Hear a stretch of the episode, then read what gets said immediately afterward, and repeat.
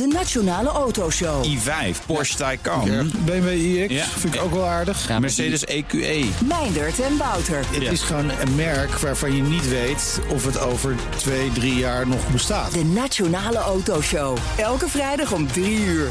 De Nationale Autoshow wordt mede mogelijk gemaakt door Van Mossel. Van Mossel, voor mobiliteit voor iedereen. BNR Nieuwsradio. De Techniek Tour. Carlijn Meinders. Een kilootje meer of minder als we op de weegschaal staan.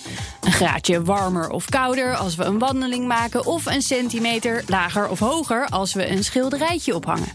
In veel situaties is exact meten of wegen niet van levensbelang.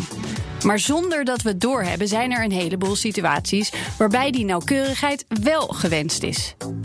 In deze aflevering van de Techniek Tour ga ik op zoek naar interessante meettechnieken. En daarvoor beginnen we in Montfort bij de firma Von Marken. Maarten van Dam van Testo is ook aangesloten. Testo levert meetinstrumenten. eh, en eigenlijk heel breed. En eigenlijk zeg ik een hoofdtak kun je zeggen in de food, pharma en installatiewereld. Dat is al heel breed. Klopt. We leveren dat aan heel veel markten. eh, zonder dat we er eigenlijk particulier bij stilstaan eh, eh, waar we allemaal eh, ingezet worden. Kun je een paar voorbeelden noemen uit die verschillende markten? Mm, Natuurlijk kan dat. Ehm, dat gaat van fastfoodketens die onze meetinstrumenten gebruiken. Tot aan de cv-ketels als die bij mensen thuis hangt. Die wordt onderhouden met onze meetinstrumenten. Eh, eh, maar ook als je een broodje gaat eten bij een tankstation... is de kans groot dat daar de meetinstrumenten van Testo eh, in de keuken worden gebruikt. Ja, want daar kan ik me goed iets bij voorstellen. Dan gaat het om temperatuur. Hè? Klopt, dan gaat het om temperatuur meten. Ja, En in die andere gevallen gaat het dan ook om zoiets? dan is het temperatuur meten. maar dan gaat het bijvoorbeeld ook om hoe veilig brandt een cv-ketel. Komt er niet te veel koolmonoxide vrij? Dus dan Eh, meet je de koolmonoxide. Dan meet je de koolmonoxide. Klopt. Ja. Ja. En in, eh, wat, wat noemde je nog meer? De eh fastfoodketens? Fastfoodketens. Temperatuur is natuurlijk een hele belangrijke. Ja. Maar ook bijvoorbeeld de kwaliteit van frituurolie. Hè, die daar wordt gemeten en gecontroleerd met onze meetinstrumenten. Ja, hoe werkt zo'n soort meetinstrument precies? Dat is een hele goede.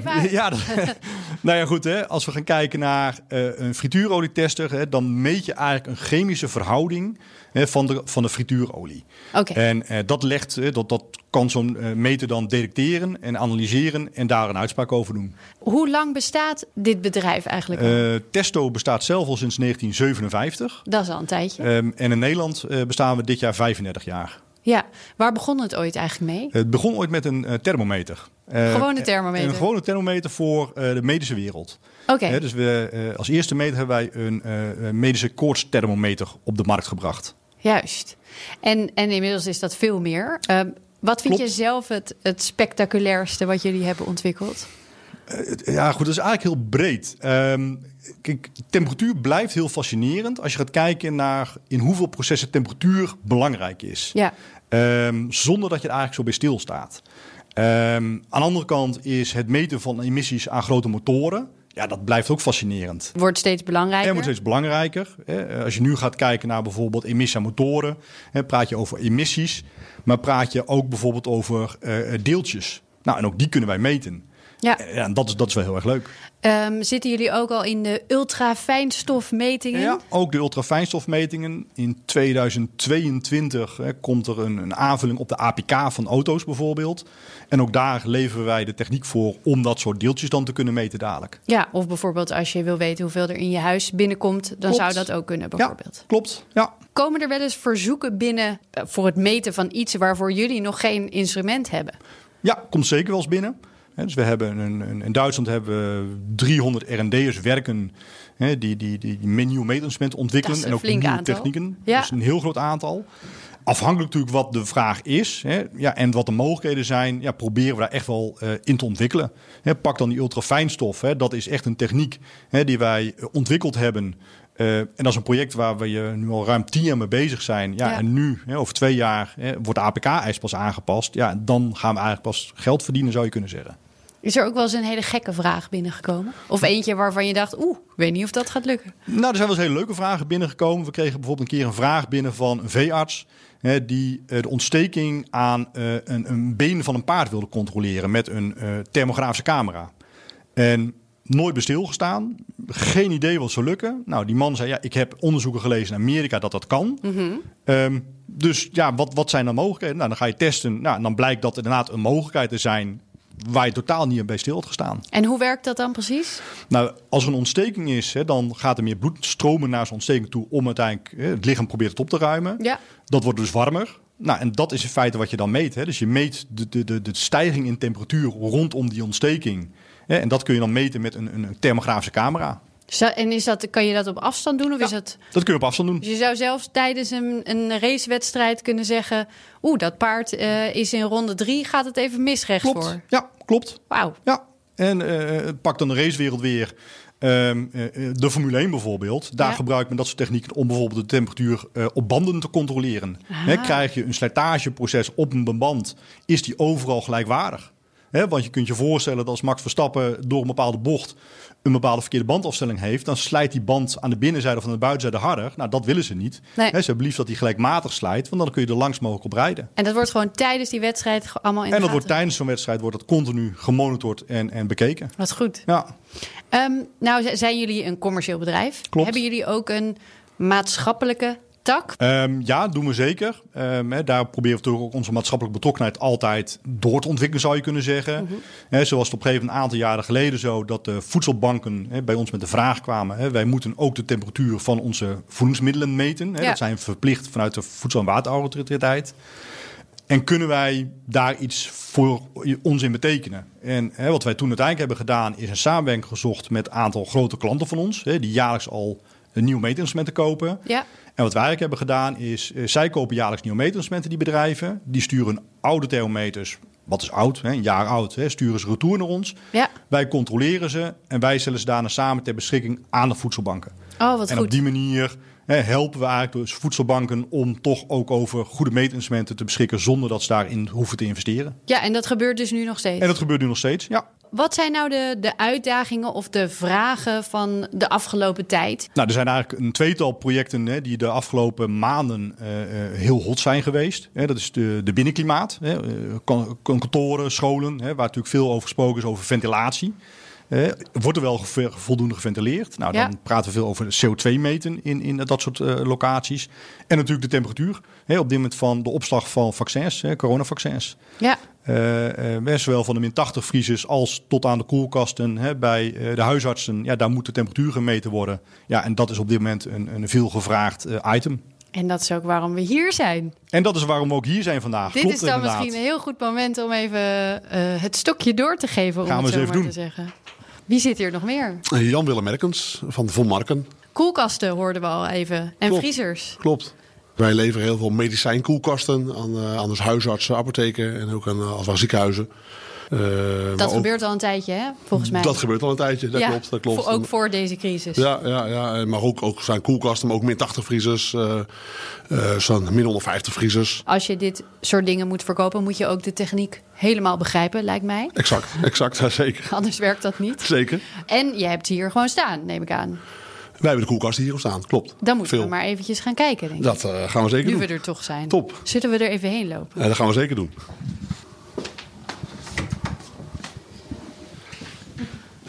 Ja.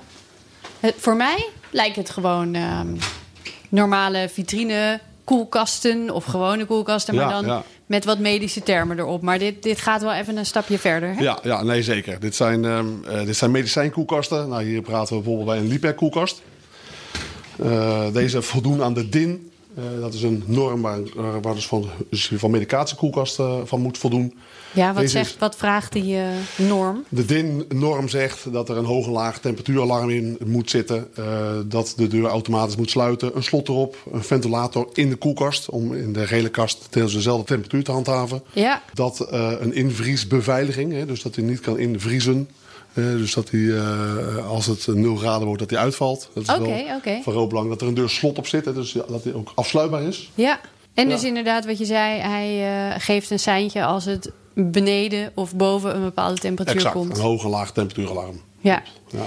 En dat is nu eh, behoorlijk belangrijk met die vaccins. Dat is heel erg belangrijk. Hè? Dus dan de waarde die er soms in zit, die is niet overzien. Hè? Dus als zo'n als zo'n koelkast eh, of uit zou vallen, of de stroom zou uitvallen, noem maar op. Dat hij wel iemand een seintje geeft van, hé, hey, let op. Ja, De koelkast gaat overstuur. Of er gaat wat mee gebeuren. ja. Eh, er wordt steeds meer gemonitord ook. Klopt. In die koelkasten. Ja. En dan kunnen we weer eventjes... eh, ja. Ja, dan geef ik hem graag over weer aan Maarten. Maarten, Ja, dan komen jullie weer bij kijken. daar komen wij weer bij kijken inderdaad. Hè, Kijk, er werd net ook al gezegd hè, dat er een controle op temperatuur is in een koelkast. Ja. Hè, maar wat nog veel belangrijker is, zeker ook voor die medicijnen, is dat er een registratie overhandigd en getoond kan worden over wat is de temperatuur in een koelkast gedurende weken, maanden. Eh, en als er een alarm is, hè, dat je eigenlijk zelfs op afstand eh, een alarm kan krijgen dat de temperatuur eh, te Zacht hoog wordt. of te hoog wordt, Ja, ja. Daar leveren dus de dataloggers hè, dus in een koelkast geplaatst worden. Hè, en daar dus continu de temperatuur bewaken. Ja, dat betekent ook dat het steeds belangrijker wordt, die connectiviteit. Klopt. Het opslaan van al die data, het goed aflezen van al die data, snappen wat je meet, Ja, op tijd een seintje geven. ja klopt. En daar zie je eigenlijk net in dat als wij gaan kijken naar de ontwikkeling van dataloggers. eh, de eerste datalogger leverden wij denk ik al nou, goed, een 30 jaar geleden. Oké. En dat was puur een datalogger, die meet de temperatuur. Eens zoveel tijd pakte die, liep je terug naar je computer. Ook toen hadden we al computers, zagen iets anders uit dan nu. En je ging kijken in een grafiekje, wat is de temperatuur geweest in de afgelopen week, twee weken. Dan klikte je dat in je computer. En dan klikte je dat in en dan was je daar een uurtje mee bezig. En dan kreeg je daar een, een, een, een plotje uit hè, van, Ja. van temperatuurverloop. Eh, tegenwoordig worden de later gekoppeld aan een cloudomgeving. Dat betekent gewoon hè, dat ze in een wifi-netwerk hangen. Hè, ze hebben ook heel bewust gekozen dat ze gewoon gebruik maken van bestaande infrastructuur in bijvoorbeeld ziekenhuizen. En daar wordt gewoon gekoppeld aan de wifi. Data wordt doorgestuurd naar een online cloudomgeving. En daar kan de data dan ja, 24-7 altijd en overal bekeken worden. Ja, en als een alarm real-time. is, real-time. Ja. ja. Je kunt zo door de hele keten heen, ook onderweg, de temperatuur bewaken. Van zeecontainer tot aan kleine busjes met mobiele koelboxen. Mobiele koelboxen die je overigens ook hier bij Von Marken vindt. Met al dat extra meten kun je ook eerder zien wanneer een koelkast minder efficiënt aan het worden is. En misschien bijna vervangen moet worden. Ik had hier nog uren kunnen blijven, maar de techniektour moet verder. Naar VSL in Delft, waar ik word opgewacht door algemeen directeur Fabienne van Boma. VSL is het Nationaal Meteorologisch Instituut eh, voor Nederland. En dat klinkt als een heel lang woord. En, ehm, maar wij houden de meetstandaarden voor Nederland. Dat betekent alles wat je meet, daar is een standaard voor. En al die meetstandaarden die eh, ontwikkelen wij hier en die eh, eh, behouden wij hier, om het maar zo te zeggen. Ja, dat is, dat is echt een gigantische taak. Om het zo Zeker. maar even te zeggen. Ja. En toch denk ik dat heel veel mensen niet eens weten dat jullie misschien bestaan. Nee, dat klopt. Want eh, ik denk dat, dat er niemand is in Nederland die, als die gaat tanken, zich afvraagt of er wel 30 liter in zijn tank zit. Ik denk dat niemand dat eh, controleert. Nee. Nee, maar hier in Nederland hoeft dat ook niet. Want er is een hele infrastructuur waarbij dat allemaal wordt geregeld. Waarbij die meetstandaarden vast liggen. En waarbij er eh, tussentijdse controles zijn. Waarbij er toelatingen zijn naar de markt. En daardoor kun je in Nederland rustig tanken. En als er 30 liter op de tank staat, dan zit er echt wel 30 liter in. Ja, dus jullie zijn, zijn eigenlijk de controle op dat soort dingen ook. Nou, wij voeren niet direct de controle uit, als wel dat wij die standaarden ontwikkelen en eigenlijk de maatstaven neerleggen voor Nederland. Dat doen we overigens niet als Nederland alleen, maar met onze Europese partners. Want het is natuurlijk wel fijn dat een liter in Nederland dezelfde liter is als in België of in eh, Bulgarije. Ja, dat snap ik heel goed. Nou noemden we even het, het tankvoorbeeld. Kun je nog een paar andere voorbeelden noemen van nou, misschien dagelijkse dingen waar, waar jullie mee te maken hebben? Nou, een hele bekende is, is ook eh, de kilo bijvoorbeeld. Hè, Ja. Ga naar de slager en eh, daar krijg, zie je op de weegschaal dat je een pond biefstuk hebt gekocht. Ja, is dat echt wel een pond? Nou, Geloof je de is- slager op zijn blauwe ogen? Ja, precies. En ehm, nou, dat kun je hier in Nederland. Omdat het meetapparatuur gewoon eh, heel strak volgens de standaarden moet functioneren eigenlijk. Dat klopt, ja. Hoeveel mensen werken er eigenlijk bij VSL? Bij VSL werken iets meer dan 90 mensen. Oké. En dat zijn eh, vooral eh, wetenschappers en meteorologen die zich dus eigenlijk de hele dag bezighouden met het onderhouden van de meetstandaarden die er al zijn, maar bijvoorbeeld ook het ontwikkelen van meetstandaarden. Ja, Want er komen natuurlijk ieder, eigenlijk op ieder moment van de dag komen er wel nieuwe stoffen op de markt, waar je dus weer een nieuwe meetstandaard voor moet eh, bedenken. Nou, dat doen de wetenschappers eh, bij ons. En eh, een, hele, een eentje die binnenkort eh, door ons eh, eh, klaargemeld zal worden, zal de waterstofstandaard zijn. Ah ja, daar zijn jullie natuurlijk ook bij betrokken. En Ja. ik kan me ook voorstellen, alles wat met fijnstof, ultrafijnstofdeeltjes misschien... ehm, maar ook eh, hoeveel gevaarlijke stoffen bij een, brand. Dat soort eh, metingen kunnen ook uitgevoerd worden. Ja, dat klopt. Want het is zo, het is zo interessant als je zegt meetstandaard, die moeten onderhouden worden. Klopt. Je zou denken, als je eenmaal iets hebt afgesproken, nou dan, dan is dat gewoon wat het is. Ja, dat klopt. Maar er zijn ook steeds nieuwe ontwikkelingen... Waar, waar- waardoor het bijvoorbeeld nauwkeuriger kan of moet. Ja. Eh, en soms kan iets eh, niet zo heel nauwkeurig... maar zijn we door eh, veel research toe, toe te voegen in staat... om het een paar jaar later een stuk nauwkeuriger te doen. Ja, wat is nou een van die sprongetjes die jullie hebben gemaakt... waarbij je eerst misschien nog niet zo goed iets kon meten... en toen ineens, dankzij onderzoek wel? Nou, bijvoorbeeld waterstof is één. Eh, Waterstof is vrij eh, vluchtig en dat heeft best eh, een tijd geduurd om die goed te kunnen ontwikkelen. Die is moeilijk meetbaar. Maar de collega's van het stromingslaboratorium waar we hier zijn, hebben daar de afgelopen jaren aan gewerkt. En kunnen dat nu heel, heel goed meten. Ja, misschien kunnen we even vragen of iemand van het, van het lab zelf... Ja. dan even kan uitleggen hoe dat nou precies werkt. Waarom is waterstof zo moeilijk te meten? Nou, dat komt eigenlijk door eh, verschillende eigenschappen van waterstof die, heel, eh, die het meten van het, eh, de doorstroming lastig maken. Ja, Dat is onder andere eh, de viscositeit, dat is eigenlijk de, de stroperigheid zeg maar, Ja. van, een, van het materiaal. Nou, voor gas is dat misschien een beetje moeilijk voor te stellen, stroperigheid. Maar dat is nog steeds een materiaaleigenschap. Net zoals ja, voor stroop of honing thuis weet je dat het heel dik is. Nou, zo is waterstof eigenlijk een heel dun gas. En dat betekent dat het dus ook snel lekt door kleine kiertjes en dat soort dingen. het is heel vluchtig. Ja, het is heel vluchtig. Ja. Het is ook, eh, heeft ook een hele lage dichtheid.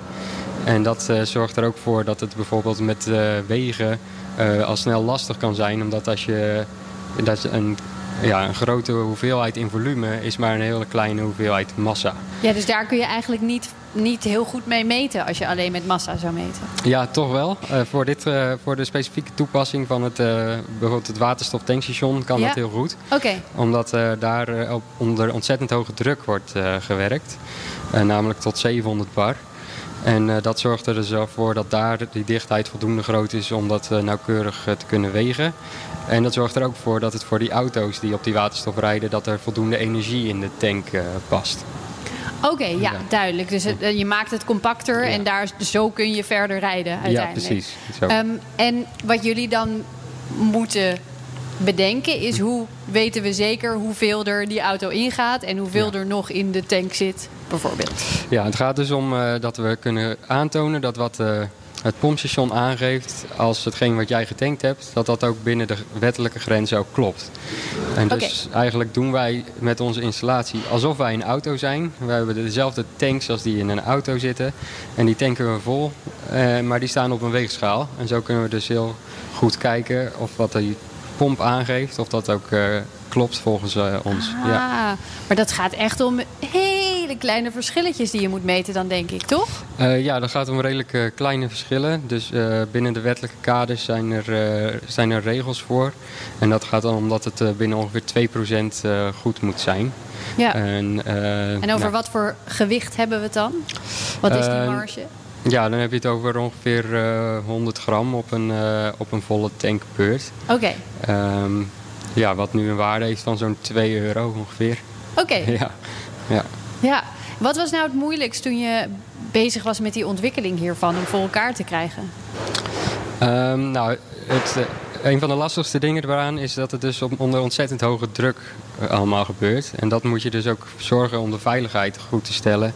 Dat alle materialen daarvoor geschikt zijn.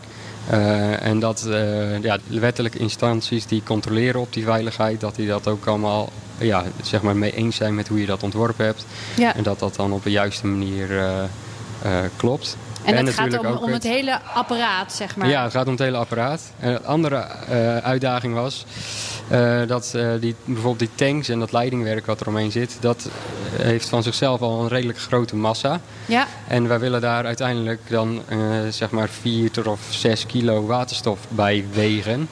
Dus we hebben een weegschaal nodig die ja, toch een, een grote lading van ongeveer 300 kilo uh, aan moet kunnen. Ja. Maar er wel met een halve gram nauwkeurig kan ja, wegen. die combinatie is heel moeilijk, lijkt ja, me. precies. En hoe krijg je dat dan toch voor elkaar? Ja, de combinatie van ja, goed uitkiezen materialen. Dus zorgen dat het wat we uiteindelijk moeten wegen zo licht mogelijk is. Zonder natuurlijk veiligheidsconcessies te doen. En tegelijkertijd het aanschaffen van een weegschaal wat die echt heel goed is. Ja. En, uh, nou, en dan die ook op de juiste manier te kalibreren zoals uh, eigenlijk alleen wij dat kunnen. Ja, ja, want dat kalibreren is een van de belangrijkste dingen. Hè?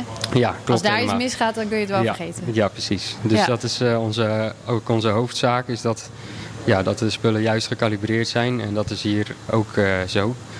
Um, dus in dit geval bij de waterstoftankstations gaan we dat wegen. Dus daar hebben we gewichtjes nodig die door onze collega's van de, de afdeling massa uh, zijn gekalibreerd. En waardoor we dus zeker weten dat die gewichtjes waarmee wij onze uh, ja, balans kalibreren, dat dit dat ook echt uh, klopt. Ja, Ja. dit klinkt voor jou allemaal uh, als uh, iets heel makkelijks. Ja. Maar je, je noemt al gewichtjes. Kijk, Ja. mensen kunnen zich prima voorstellen dat vroeger eh, had je een weegschaaltje en dan zette je op de ene kant een paar gewichtjes en aan de andere kant Ja. woog je dan je product af, bijvoorbeeld. Mhm. Maar dat gaat vast niet meer zoals het toen ging. Ehm, nee, dat gaat niet zo als het toen ging. Ehm, nou ja, wij hebben bijvoorbeeld in onze laboratoria kunnen wij zo heel nauwkeurig eh, wegen. En dat doen we ook door gerobotiseerd te wegen. Dus dan kunnen we die gewichtjes. Eh, eigenlijk op het moment dat je die met je handen vast zou pakken, kan er al een beetje vet op aankomen, wat de nauwkeurigheid al kan beïnvloeden. Juist. En dus dat doen we zelfs eh, met eh robot. Je Eh, raakt het gewoon niet eens meer aan. raken het niet meer aan. Nee. Maar er zijn nog steeds wel gewichtjes. Ja, zeker. Die zijn er eh, absoluut. Dat kun je Eh. niet ehm, automatiseren of robotiseren of digitaliseren. Eh, nee, maar er is wel eh, in de, een paar jaar geleden is er een belangrijke stap gemaakt in het eh, meten van eh, gewichten. En dat is namelijk de herdefinitie van de kilo. Ja, ik Ja. weet het nog wel. ja. Dat was Nou. een heel ding. nou, precies. Dus daar hebben we, hebben we eigenlijk eh, ja, de keuze met z'n allen gemaakt in, eh, in, de hele, in de hele wereld eigenlijk. Om eh, van het oude idee van de kilo, wat een, een massastuk was, dus een, een gewicht eigenlijk, in een kluis in Parijs. Om, om van die definitie van de kilo af te stappen en over te gaan op een nieuwe definitie die helemaal vasthangt op één natuurconstante. Eh, die dan wel bepaald is met dat ene gewicht. En die Ja. constante bepaalt dus voortaan wat een, eh, wat een kilo is. Dank Marcel Workamp, wetenschapper bij VSL. Denk je nu, ja, hoe zit dat nou precies met die kilo? Dan verzeker ik je dat we een andere keer nog verder gaan praten hierover.